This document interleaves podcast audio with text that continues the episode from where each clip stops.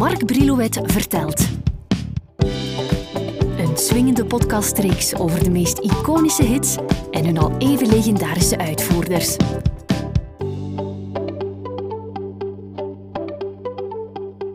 Ik val ook nu maar meteen met de deur in huis met een vraag. Moet je een criticus altijd op zijn woord en recensie geloven?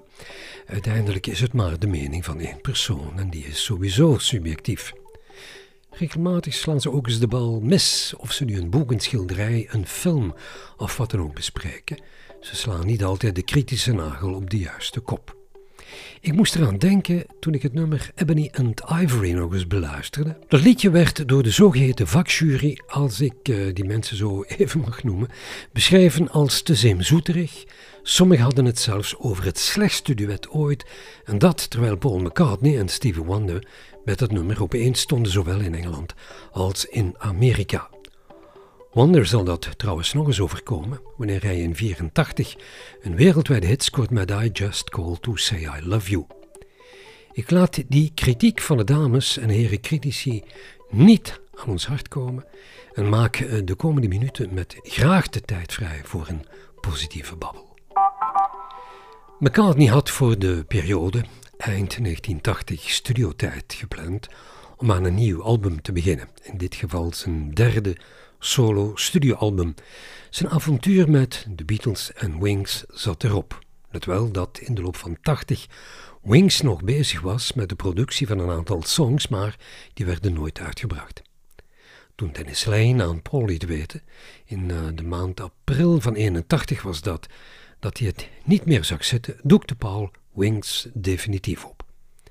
Intussen was McCartney al begonnen met de opname van zijn nieuwe album Tug of War. Maar toen hij de 9 december 1980 vernam dat John Lennon de dag voordien was vermoord, pakte hem dat zo dat hij meteen besloot de opname van het album een tijdje stil te leggen. Pas in de maand februari van 1981 trok hij terug naar de studio, in dit geval de Air Studio in Montserrat. Of Montserrat, als je dat liever hoort.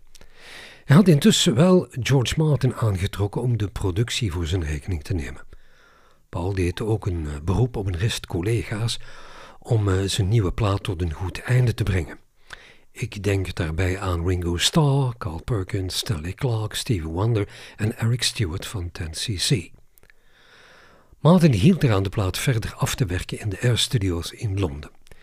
Uiteindelijk bleek de opnamesessie zo vruchtbaar dat een deel van de songs werd opgespaard voor het daaropvolgende album Pipes and Peace, dat in 83 zal worden uitgebracht, met erop een nieuwe monsterhit voor McCartney en ook deze keer weer een duet Say Say Say samen met Michael Jackson.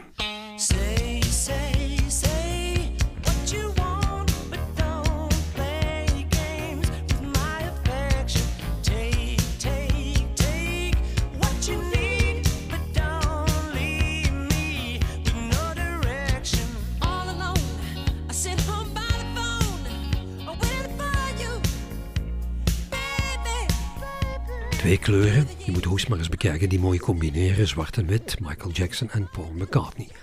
Die combinatie van zwart en wit sprak Paul dus ook aan toen hij zich op zekere dag aan het schrijven zette voor het nummer Ebony and Ivory. Hij had op tv een programma gezien waarin de tegenstelling tussen zwarte en witte toetsen centraal stond, maar ook dat beide het niet zonder elkaar konden stellen. Een oneenigheid met zijn toenmalige vrouw Linde overtuigde hem van het feit dat je zo'n oneenigheid maar het best snel kan bijleggen om in je relatie unisono te blijven klinken. Dus ook hier moeten de zwarte en witte toetsen het met elkaar kunnen stellen. Uiteraard speelde in het geval van de song Ebony and Ivory het racisme een centrale rol. Het liedje is dan ook een soort zoektocht naar raciale harmonie. Natuurlijk kan je liedjes combineren door alleen de witte toetsen te benutten of alleen de zwarte, maar een song wint pas aan kracht wanneer je beide laat uh, samenklinken en met, met elkaar uh, combineert.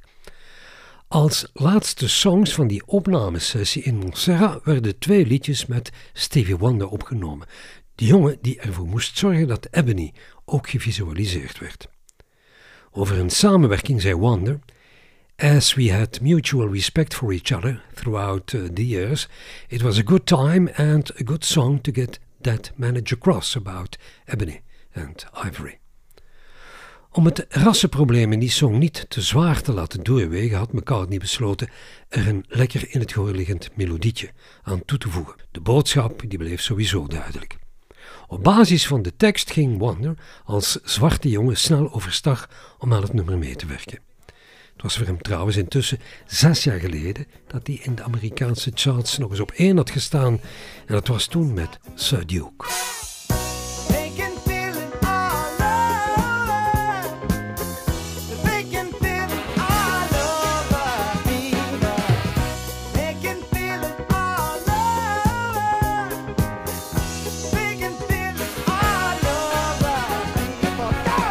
Wanda was uh, samen met zijn toenmalige vriendin naar Montserrat op de Caraïben afgezakt om daar in de Air Studios te gaan opnemen. Toen George Martin in 1970 zijn samenwerking met Parlophone had afgerond, besloot hij met uh, John Burgess in Oxford Street in Londen de Air Studios op te richten. R staat voor Associated Independent Recording Studio. Dat werd zo'n succesverhaal dat George, die op zoek was naar zonniger orde en vooral rustiger orde om te kunnen werken, in het voorjaar van 1979 uh, zijn Air Studio in Montserrat opende. Het is hier dat onder meer Dire Straits hun bekendste album Brothers in Arms inblikte. En aan dit nummer uit die LP hoor je meteen dat de sfeer er dadelijk goed in zat.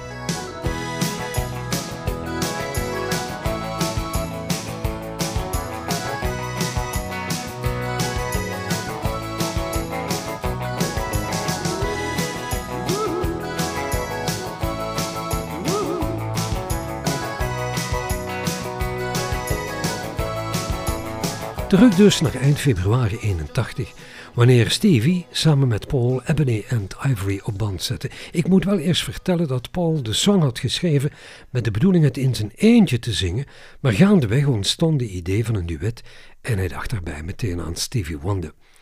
Hij zong het liedje in als demo en stuurde dat door naar Stevie. Voor Paul was het in de studio even wennen, want het was de eerste keer dat hij met een concurrent collega een uh, duet ging inblikken.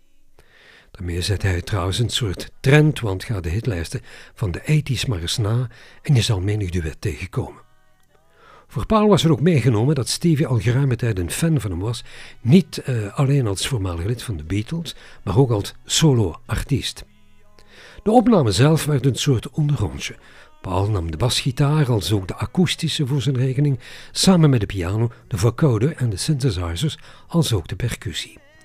Stevie op zijn beurt stond in voor de drums, met een groot aandeel in deze voor de Lindrum, en tokkelde net als Paul mee op de piano en de synthesizers. En uiteraard werd ervoor gezorgd dat de zangpartijen keurig werden verdeeld tussen zwart en wit.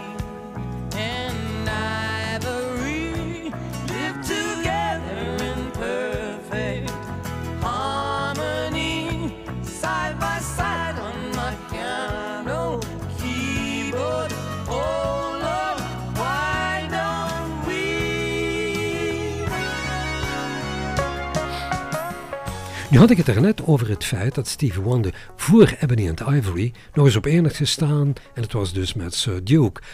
Als ik de hitnoteringen van McCartney overloop, de Beatles wel uh, degelijk buiten beschouwing gelaten, dan zie ik dat Paul in, uh, ja, in 77 nog eens op één had gestaan en dan nog wel met de steun van Wings voor zijn wereldhit Mel of Kintyre. Met dat nummer zal Paul bij onze noordenburen zijn grootste hit ooit scoren. En ook in België zal McCartney alleen maar tot boven in de hitlijsten geraken met Mal of Kintyre. Of oh in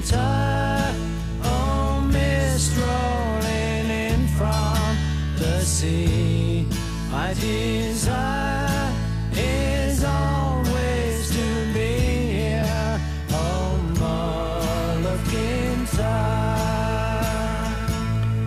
McCartney ging niet over één nacht ijs, wat zijn nieuwe album Tug of War betreft.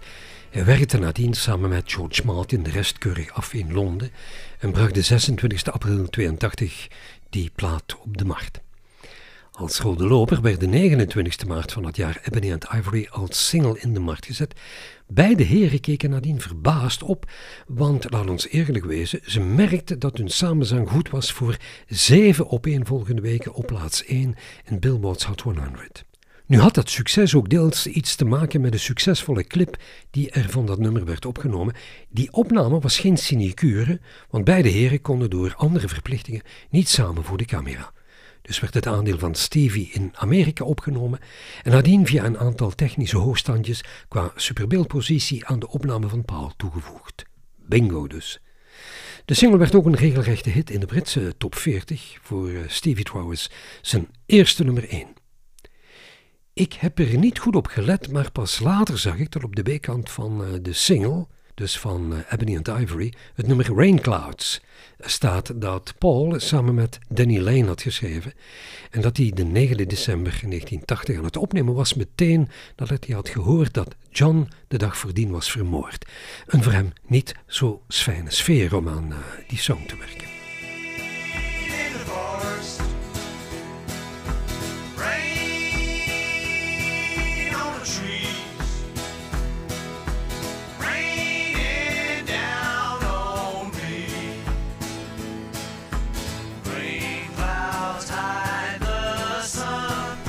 Rain Clouds, dus opgenomen in een wat intrieste sfeer. Die plotse dood van John Lennon bleef Paul volgen. In zijn huis in Sussex schreef hij in de loop van 81 Here to Die, een song over zijn relatie met John, een relatie met ups en downs. Hij schreef het met hier en daar tranen in de ogen. Toen hij besloot het op te nemen voor zijn album Tug of War, besprak hij samen met producer George Martin hoe ze dat nummer nu zouden begeleiden en uiteindelijk kozen ze voor een strijkkwartet, net zoals in de tijd voor Yesterday met de Beatles.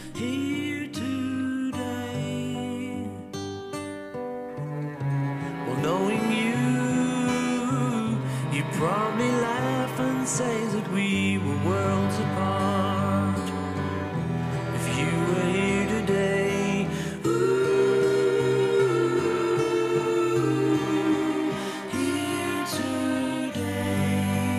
Maar het bleef niet qua samenwerking met Stevie bij Ebony and Ivory, want voor het album Tug of War schreven Paul en Stevie een nummer samen. En ze zongen dat ook als duet, What's That You're Doing. Het succes trouwens van Ebony and Ivory en de grote kwaliteit van de rest van het album zal ervoor zorgen dat ook de LP Tug of War zowel in Amerika als in Engeland op plaats 1 belandt en uh, Paul zal er nadien ook nog een Grammy Award voor in ontvangst nemen. Zoals ik al zei, werd Ebony and Ivory door een rist bedweters, of eh, wat dan ook, permanent de grond ingeboden als te kleverig en ook een bar slecht duet. Maar daar trok Stevie Wonder zich blijkbaar niks van aan, want nog geen twee jaar later kwam hij op de markt met een nog kleveriger liedje dan dat duet met Paul. En dan heb ik het over de allergrootste hit die Stevie in gans zijn carrière zal scoren. I just call to say I love you. I just call to say love you. I just call